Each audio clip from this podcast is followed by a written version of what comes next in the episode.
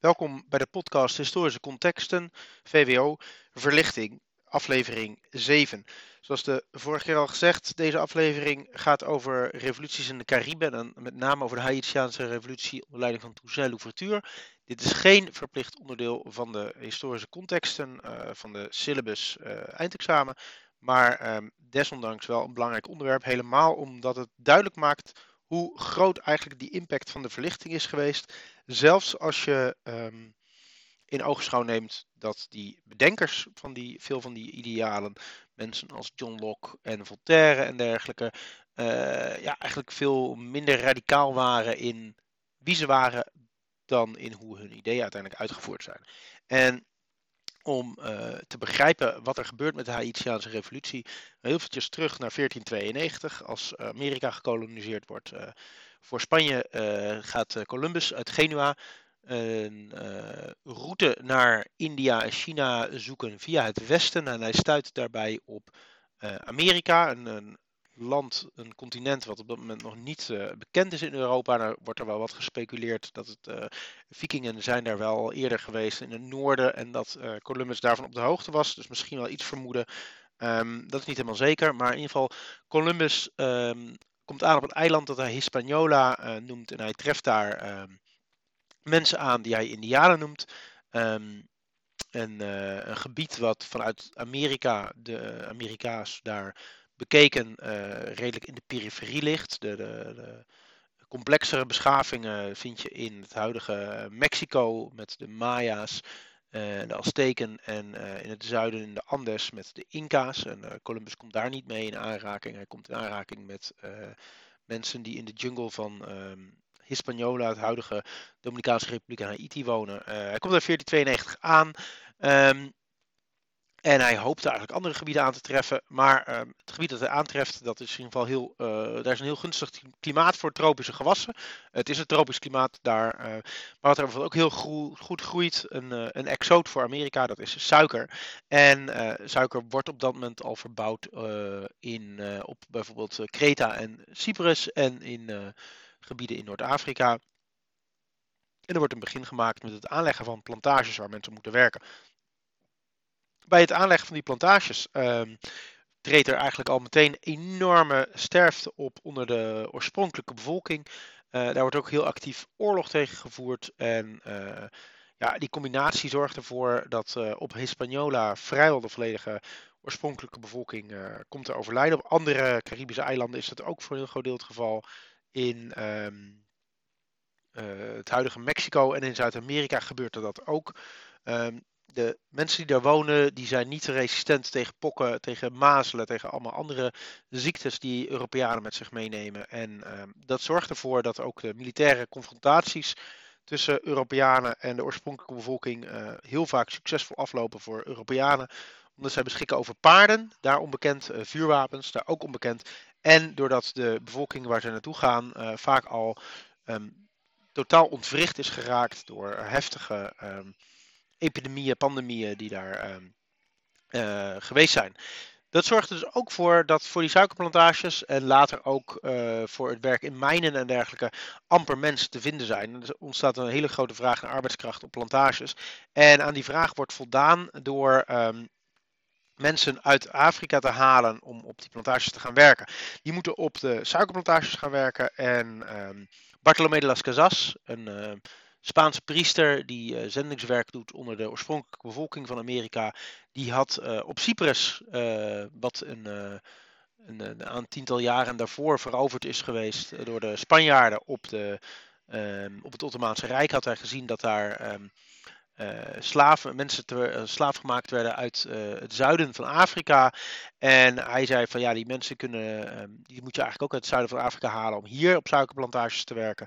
En dat is eigenlijk het begin van een driehoekshandel. Bartolomé las Casas heeft daar later heel veel spijt van gehad, omdat hij zag hoe die slaven behandeld werden. Maar hij heeft inderdaad wel de Spanjaarden en later allemaal andere Europese landen de weg gewezen naar um, Sub-Sahara Afrika om te kijken of daar mensen gedwongen konden worden om naar Amerika gebracht te worden om op suikerplantages te gaan werken. Nou, die uh, plantages, en met name die, die suikerplantages, die vragen een constante aanvoer van gedwongen arbeid. Het is heel zwaar werk. Moet met grote kapmessen moet het suikerriet um, gekapt worden, dat moet vervoerd worden en moet dan met grote walsen geplet worden om het siroop eruit te persen. En dat kook je dan in en raffineer je en daar komt dan suiker van. En suiker is natuurlijk iets wat mensen gewoon heel erg lekker vinden, dus dat kan je met enorme winst verkopen in Europa. En op de, de eilanden Jamaica en Haiti bijvoorbeeld komen hele grote um, plantages waar ontzettend veel mensen uh, te werk worden gesteld en de sterfte is daar enorm. En de mensen die daar heen gebracht worden, dat zijn uh, voor een heel groot deel jonge mannen uit um, Afrika, gebied dat nu Ghana, Nigeria, um, Ivoorkust en dergelijke is. En dat uh, zorgt er dus voor dat er bij de uh, plantage-eigenaren permanent angst is voor opstand. Want het zijn allemaal jonge mannen die in verschrikkelijke omstandigheden moeten leven. Uh, ook vaak dus beschikken over een kapmes om het riet te kappen. En dat uh, leidt op de Franse kolonie Saint-Domingue, wat later Haiti wordt, tot een hele, hele nare samenleving. Dat geldt overigens ook voor een eiland als Jamaica en, Suriname en Curaçao voor Nederlandse koloniale bezittingen. Um, maar je krijgt dus door de demografische samenstelling een enorme kans op slavenopstand, omdat er ontzettend veel jonge mannen zijn. En dat leidt weer tot keiharde repressie om te zorgen dat er geen opstand uitkomt. Uh, en daardoor een, uh, een samenleving die uh, ja, ontzettend gewelddadig, permanent heel erg gewelddadig is en waar permanent angst zit voor een, een slavenopstand. En um, vanaf het andere perspectief mensen die dus permanent doodgewerkt worden en aangevuld worden met uh, nieuwe mensen uit Afrika. En um, ja, dat is een hele nare samenleving om, uh, om in te leven. En het niet voor niets dat er dan ook heel vaak uh, opstanden uitbreken onder die slaven, die dan in protest komen tegen hun werkomstandigheden, hun leefomstandigheden, het feit dat ze totaal onvrij zijn. En nou, in, op het continent Amerika is daar ook nog de mogelijkheid om uh, de jungle in te vluchten, de oerwoud in te gaan. Wat ook een hard bestaan is, maar dan ben je tenminste vrij. Op de eilanden is dat moeilijker, want dan, uh, een eiland is natuurlijk gewoon uh, geografisch veel beperkter. Dus dat leidt tot gewelddadige conflicten. Heel grote opstand is bijvoorbeeld in Berbice, tegenwoordige Brazilië, waar Nederland koloniën, plantages heeft. Er komt een hele grote opstand onder leiding van Cufi. En die komen in opstand tegen die ehm, tegen die slavernij.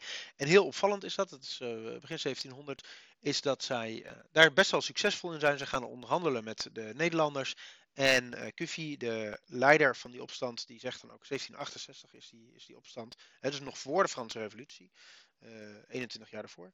En hij zegt dan ook tegen ehm, de Nederlanders die daar zitten, als hij onderhandelt, zegt van ja, wij willen vrij zijn. En als je die arbeiders echt nodig hebt, dan haal je ze maar uit de schepen die hier voor de kust liggen. Oftewel, hij um, keurt slavernij af, maar meer als iets waar hij zelf in zit, dan um, als een, een uh, universele afkeuring. Dus die Kufi en zijn aanhangers, die willen absoluut vrij zijn, die willen echt niet in die mensen onterende omstandigheden zeggen, zitten, maar tegelijkertijd, uh, zij zijn niet uh, radicaal in hun afwijzing van slavernij als instituut. Um, en dat zie je ook wel vaker terug in dat mensen die er wel in slagen om vrij te komen, uh, vaak ook uh, zelf weer mensen in hun bezit hebben. Dus er um, is wel heel veel onvrede over de mensonterende omstandigheden, maar tegelijkertijd het, geen radicale breuk met het instituut slavernij. In de verlichting verandert dat wel, want er ontstaat een veel rationelere blik op de mens. En vanuit die radicale verlichting, en die begint met, met Spinoza, ontstaat ook het idee dat eigenlijk alle mensen gelijk zijn. En als alle mensen gelijk zijn, is er niet meer een goede reden om te zeggen dat de ene mens uh, gedwongen bezit is van de andere mens, omdat alle mensen gelijk zijn. Dus dat is een, een, een heel verlicht argument om slavernij af te keuren. Daar komt ook nog eens bij dat iemand als Adam Smith, een, uh, een van de grondleggers van de economie, ook, ook een verlichtingsfilosoof, ook een heel een economisch argument aanvoerde. Die zei van ja, um, doordat je mensen in hun vrijheid beperkt, uh, belemmer je hun eigen initiatief. En daarmee belemmer je de vrije markt en het principe, wat voor Adam Smith heel belangrijk was, van het welbegrepen eigenbelang. Want als slaaf ben je niet gebaat bij een hogere opbrengst, maar ben je gebaat bij het verkrijgen van je eigen vrijheid. Maar je hebt op geen enkele manier profijt van um, het succesvol uitbaten van de onderneming waar jij in werken moet. Dus daar uh, komt helemaal geen eigen initiatief uit voort. Dus je mist daar um, enorme, enorme kansen op, uh, op economische ontwikkeling ook. En je ontneemt ook nog eens een keer de hele economie aan kans op ontwikkeling, omdat je allemaal mensen dwingt slaaf te zijn en daarmee ehm, de mogelijkheid ontzegt zich verder te ontwikkelen. En um, nou, ga maar na, er zijn rond de 12 miljoen mensen als slaaf uh, van uh, Sub-Sahara-Afrika naar de Amerika's gebracht. En daar moeten ontzettend veel mensen tussen hebben gezeten met uh, ontzettend veel kwaliteiten en intelligenties, die heel vaak gewoon niet tot ontplooiing konden komen vanwege het feit dat zij in um, totale onvrijheid leefden. Maar niet alleen in uh, Engeland met Adam Smith en uh, William Wilberforce, die ook een, uh, de, de, beweging tot afschaffing van de slavernij opricht. De abolitionistische leider is dat. In Frankrijk wordt in 1788 de Société de Amis des Noirs opgericht. En die komen op voor gelijke rechten voor vrijgemaakten. En die streven naar afschaffing van de slavenhandel. Ook inderdaad heel erg um, vanuit het principe van de, van de verlichting dat alle mensen gelijk zijn. En dat heb je in Frankrijk al voor de Franse Revolutie, dat er mensen zijn die streven naar uh, vrijheid voor uh, slaven. Nou, als dan in 1789 de Franse Revolutie uitbreekt, dan wordt in 1791 de, de Déclaration des droits de l'homme et du citoyen, dus de verklaring van de rechten van de mens en de burger, um, opgesteld en aangenomen door um, de Nationale Vergadering. En daarin staat alle mensen uh, gelijke rechten hebben. En bij alle mensen moet je natuurlijk eigenlijk lezen alle mannen. Want uh, het is niet voor niets dat Olympe de Gouges datzelfde jaar nog de Déclaration des droits de femme et du citoyenne uh, schrijft. Dus de verklaring van de rechten van de vrouw en de burgeres. Want dat die uh, vrouwen er bekaaid afkwamen in deze uh, verklaring van de rechten van de mensen en de burger. Maar het gaat wel over alle mensen in de zin van alle mannen. Waarmee dus de mannen die eigendom zijn van andere mensen daar ook onder vallen. En dat leidt tot uh, enorme discussies over het afschaffen van slavernij en um, daartegenover het economisch belang van Saint-Domingue, de grootste Caribische kolonie van Frankrijk op dat moment, uh, dus van Haiti. En uh, de eerste um, stap die gezet wordt is dat de, um, de vrije mannen, de gens de couleur, dus de mensen die slaven waren maar vrijgemaakt zijn, die krijgen gelijke rechten. Dus die worden inderdaad gelijk behandeld als mensen die uh, uit uh, continentaal Frankrijk komen of uh, daarvan afstammen. in Haiti leidt dat tot allerlei spanningen. Want um, je hebt de, de Grand Blanc in, de, in Haiti, de plantage-eigenaren, grootgrondbezitters, die heel rijk zijn, vaak ook van adel, niet altijd, vaak wel van adel. Um, en die hebben helemaal niks met die radicale Franse revolutie. Je moet ook heel veel bedenken, dat is uh, maximaal 8% van de bevolking is, uh, uh, is, is wit. En dan 1%, 2% daarvan is dan, hoort dan bij die Grand Blanc. Maar die hebben dus wel bijna alle bezittingen in hun bezit. En um, daarnaast heb je dus de, um, door die beslissing in 1791 dat de vrije mannen, de gens de couleur, gelijke rechten krijgen, krijg je de, de petit blanc, dus de mensen die ook wit zijn, uh, uit Frankrijk komen, maar um, niet heel rijk zijn. Denk bijvoorbeeld aan uh, mensen in de nijverheid en dergelijke, de timmermannen, smeden, uh, dat soort beroepen. Um, die willen hun stemrecht behouden, net als die Jean de Couleur, die dus de vrijgemaakte zwarte mensen, die willen ook hun stemrecht behouden. En daarnaast heb je nog een hele grote groep mensen, 87% van de bevolking die uh, slaaf is en die willen vrijheid. En dan breekt er in augustus 1791 een slavenopstand uit. De uh, slaven komen in opstand, ook als reactie op het feit dat die Grand Blanc eigenlijk uh, proberen om onafhankelijk te worden van Frankrijk. Zij willen niet, zij gaan eigenlijk niet akkoord met die verklaring van de rechten van de mens en de burger. En die willen onafhankelijk worden van Frankrijk om zo die slavernij in opstand te houden. En slaven komen in opstand om uh, vrij te worden en om gelijke rechten te krijgen. En die opstand wordt geleid door Toussaint Louverture. Die is uh, zelf niet slaaf gemaakt. Hij is geboren als zoon van een vrijgemaakte slaaf. En hij schold zichzelf uh, door ontzettend veel te lezen over klassieke veldslagen. En krijgt daardoor heel groot tact tactisch inzicht. Een hele slimme man moet het zijn geweest, want hij dat, zich dit zelf heeft kunnen leren. En hij gaat die slavenopstand leiden. En omdat uh, Frankrijk in eerste instantie weigert slavernij af te schaffen, um, gaat Toussaint Louverture met de mannen die zich bij hem hebben aangesloten aan de Spaanse kant tegen Frankrijk vechten. Um, helemaal omdat natuurlijk het Frankrijk in Haiti, in Saint-Domingue, Dat is het, ehm, ja, niet het radicale Frankrijk van de Franse Revolutie, hoewel ze daar in naam onder vallen. Maar het, uh, eigenlijk het Frankrijk van voor de Franse Revolutie, dat geleid wordt door die Grand Blanc, die grootgrondbezitters, die de slavernij in stand willen houden. Zij sluit zich aan bij Spanje, wat in oorlog is met revolutionair Frankrijk, om uh, zo Saint-Domingue te veroveren om slaven te bevrijden.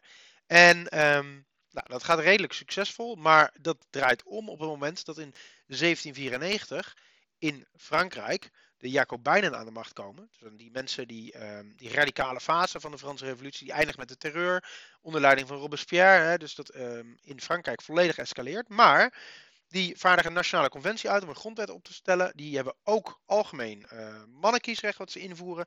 En zij uh, nodigen ook deelnemers uit de koloniën uit. Um, en daar komt daar bijvoorbeeld uh, vanuit, vanuit Saint-Domingue komt Jean-Baptiste Belly. En dat is een voormalige slaaf uit Saint-Domingue, uit wat Haiti gaat worden. die is um, als kind uit Senegal geroofd naar uh, Saint-Domingue gebracht. Daar heeft hij Frans ook geleerd. En uh, tijdens die Franse revolutie gaat hij dan naar die nationale vergadering om mee te discussiëren. En hij en nog een aantal anderen die gaan toespraken geven over hoe verschrikkelijk slavernij wel niet is. En hoe ontzettend haaks het staat op het principe van universele mensenrechten. En wat er dan in 1794 gebeurt in Frankrijk, en dat is een monumentale gebeurtenis, slavernij wordt afgeschaft. En um, dus in Frankrijk en in de Franse koloniën um, wordt een wet aangenomen die uh, zegt van joh, alle, um, uh, alle mensen die in de slaven, uh, in, de in de koloniale bezittingen slaaf zijn, die zijn vrij. Slavernij is afgeschaft. en alle mensen, zonder onderscheid van kleur, die zijn burgers van Frankrijk en die hebben de, uh, zelf alle rechten uh, die gegarandeerd worden door de grondwet, gelden ook voor hen. En um, om het nog, uh, nou niet bonter, nog beter te maken eigenlijk. Er is wel een wat ondergewaardeerd onderdeel van, de, van die fase van de terreur, die radicale fase van de Franse revolutie, als je het mij vraagt. Omdat zij ook niet overgaan, wat de Nederlanders laten doen en de Britten eerder ook doen als ze slavernij afschaffen. Dat ze zeggen wij gaan de voor mijn eigenaren van die mensen gaan wij compenseren voor een economisch verlies. Nee, dat gebeurt niet. Um, mensen die slaven waren, worden vrijgemaakt, krijgen volledige burgerrechten. En slavernij is gewoon afgeschaft. Toussaint Louverture, die uh, switcht dan ook van zijde. Hij gaat niet meer uh, de Spanjaarden helpen om Saint-Domingue te veroveren. Nee, hij gaat uh, zich aansluiten bij het Franse leger en de Britten die Spanje helpen. En de Spanjaarden uit Hispaniola gooien, zodat um, dat tegenwoordig de Dominicaanse Republiek en Haiti is, volledig in Franse handen komt. En in het Spaanse deel ook, daar bevrijdt hij ook alle slaven. En um, Toussaint Louverture wordt de facto de leider van um, het hele grote eiland van Saint-Domingue, Haiti en van uh, de Dominicaanse Republiek van Hispaniola. En officieel is het Frans, alleen um, ja, Toussaint Louverture heeft daar um, met zijn leger um, de Britten en de Spanjaarden van afgegooid. En die is daar gewoon in de praktijk de leider.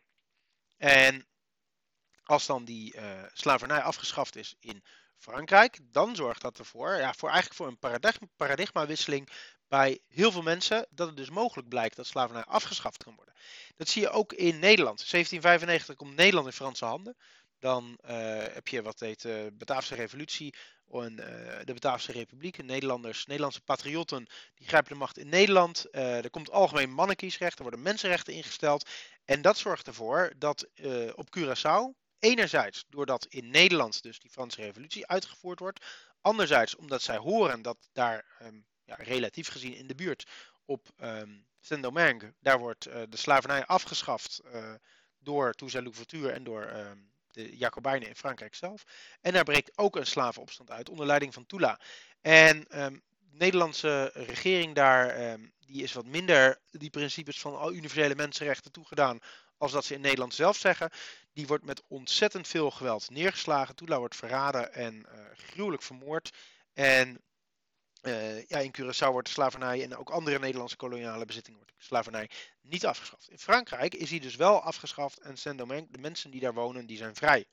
Tot in 1799, 1799 Napoleon aan de macht komt en um, ja, eigenlijk alle, de hele economie wil laten draaien om te zorgen dat zijn legers kunnen functioneren. Hij herstelt de orde in Frankrijk, maar wil ook de orde herstellen in de koloniën. En hij heeft vooral heel veel geld nodig. En Saint-Domingue, die Franse kolonie, die leverde ontzettend veel geld op voor de Franse Revolutie, omdat die suikerplantages zo ontzettend winstgevend waren. En um, daardoor ontstaat er um, heel veel angst voor het weer invoeren van de slavernij. Napoleon stuurt zijn uh, zwager Leclerc naar Saint-Domingue om uh, de kolonie weer in bezit te krijgen. Zij beloven dan ook om de slavernij niet in te gaan voeren. Er zijn 80.000 soldaten, 80.000 Franse soldaten die erheen gaan. En um, het idee is ook dat als die uh, Franse kolonie Saint-Domingue in handen is, noordelijker heeft Frankrijk ook een heel groot gebied in bezit. Dat is namelijk uh, Louisiana en de hele bovenloop van de, van de Mississippi en dan de, de westkant daarvan. Dus um, nou, alles wat er boven de plaats als Saint-Louis en dergelijke. En um, het idee is dat als de rust hersteld is in Saint-Domingue, dat dan uh, misschien dat Louisiana en dergelijke ook wel weer um, beter geëxploiteerd kan gaan worden door Frankrijk. En ze beloven de slavernij niet in te voeren. Maar daar bestaat bij Toussaint Louverture heel veel uh, angst voor. Hij um, uh, gaat wel onderhandelen met de Fransen en hij wordt dan verraden, gevangen genomen, op een boot gestopt en naar Frankrijk gestuurd, waar hij uiteindelijk sterft aan verwaarlozing. En in 1804 um, wordt in de andere Franse kolonie, klein, veel kleiner, Guadeloupe, daar wordt slavernij al ingevoerd.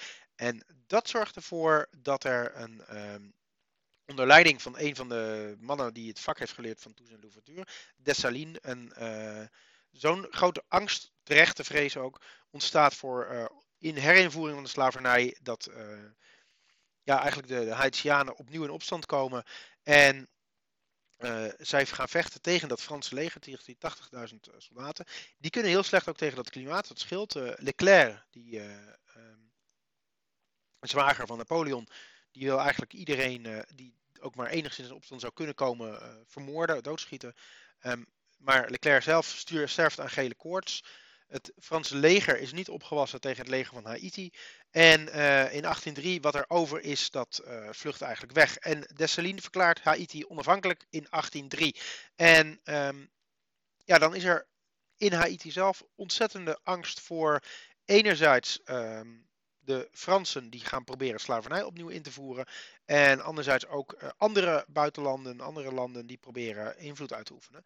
En um, dat zorgt voor een grondwet in 1805. Uh, het, verbiedt dat grond uh, verkocht wordt aan niet-Haitianen. Dus grond moet altijd in bezit zijn van de Haitianen. En een groot deel van de witte Franse bevolking uh, wordt vermoord uit angst dat zij ingezet gaan worden als soort van vijfde kolonne om de Fransen terug te halen. En bij grondwet wordt ook geregeld dat alle burgers van um, Haiti negre zijn. Dus die zijn zwart.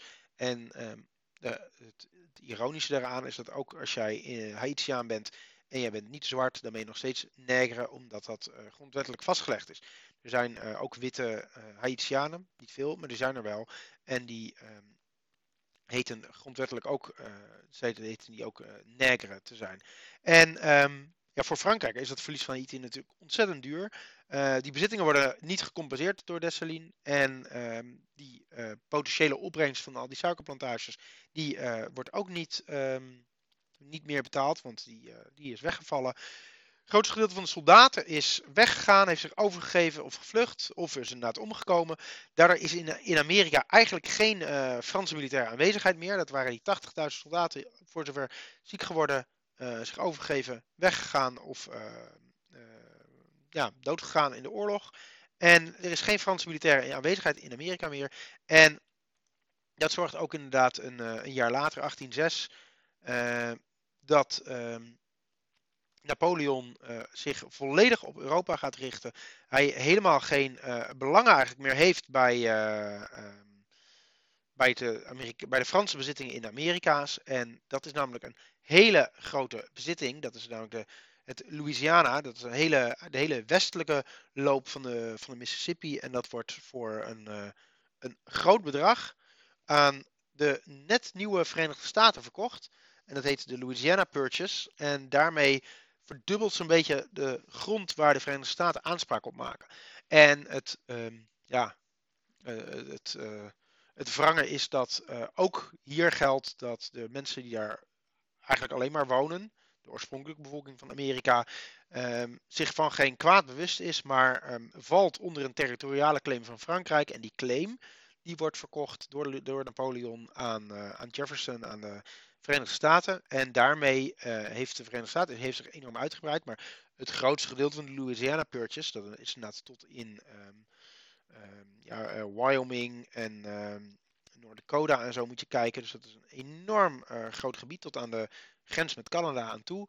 Waar voor een heel groot deel de Fransen eigenlijk nauwelijks uh, zich uh, um, hebben gevestigd. Een, een kleine forten, Fort de Laramie en plaatsjes als Saint-Louis. En dat zijn, voor de rest is daar heel weinig van de Fransen te vinden. Maar die claim hebben ze. En die claim wordt erkend door andere Europese landen en door de Verenigde Staten als Frankrijk die claim verkoopt, geldt dat voor de Verenigde Staten. En daarmee gelden de Verenigde Staten gewoon ook juridisch, internationaal rechtelijk, in ieder geval vanuit Europees perspectief, als eigenaar van, die, um, van het hele gebied. En de, dat gaat dan in de decennia daarna uh, leiden tot een uh, langzame veroveringsoorlog op de Indianen, die, waar de Indianen uiteindelijk het onderspit delven. Maar de, Frankrijk is in ieder geval uitgespeeld in Amerika. En uh, voor de um, Fransen is die Louisiana Purchase nog wel handig. Want in het noorden, daar is Canada eigendom van de Britten. En door te verkopen aan de Verenigde Staten, uh, verzekert Frankrijk zich van, uh, ervan dat die gebieden in ieder geval niet in Britse handen gaan vallen. En Groot-Brittannië is een grote vijand van Napoleon. Um, voor uh, Haiti loopt het ook niet echt goed af. Want er is in Frankrijk veel woede over het feit dat ze dat windgewest kwijt zijn geraakt. Daar ontstaat dan ook enorme diplomatieke druk vanuit Frankrijk, ook na Napoleon nog, om Haiti niet te erkennen. En vanuit andere landen, uh, vanuit andere Europese landen, is dat ook niet heel uh, moeilijk om dat niet te doen, omdat er um, in Haiti niet veel te halen valt. En het hele, um, die ontstaansgeschiedenis van uh, Haiti als land dat gesticht is door zichzelf vrijgevochten slaven. Um, is dat ook wel een beetje bedreigend. Dus zij doen dat niet. En Haiti wordt eigenlijk gedwongen om zelfvoorzienend te zijn, maar de internationaal namelijk volledig uh, gemarginaliseerd. Um, en pas in 1824, dus bijna tien jaar na Napoleon, Napoleon verslagen is, erkent Frankrijk de onafhankelijkheid. Maar dan eisen ze wel dat de, uh, het verlies van die kolonie en dus de gederfde inkomsten, dat die vergoed worden. En Haiti moet wel akkoord gaan, omdat het de enige manier is om uit die isolatie te komen. Maar daarmee uh, hebben ze, uh, zijn ze extreem met schulden beladen, wat uh, leidt eigenlijk tot een hele, heel instabiele, ehm, heel, heel, instabiel land. En een hele fragile staat. En daar hebben ze ja, vandaag de dag eigenlijk nog steeds um, last van.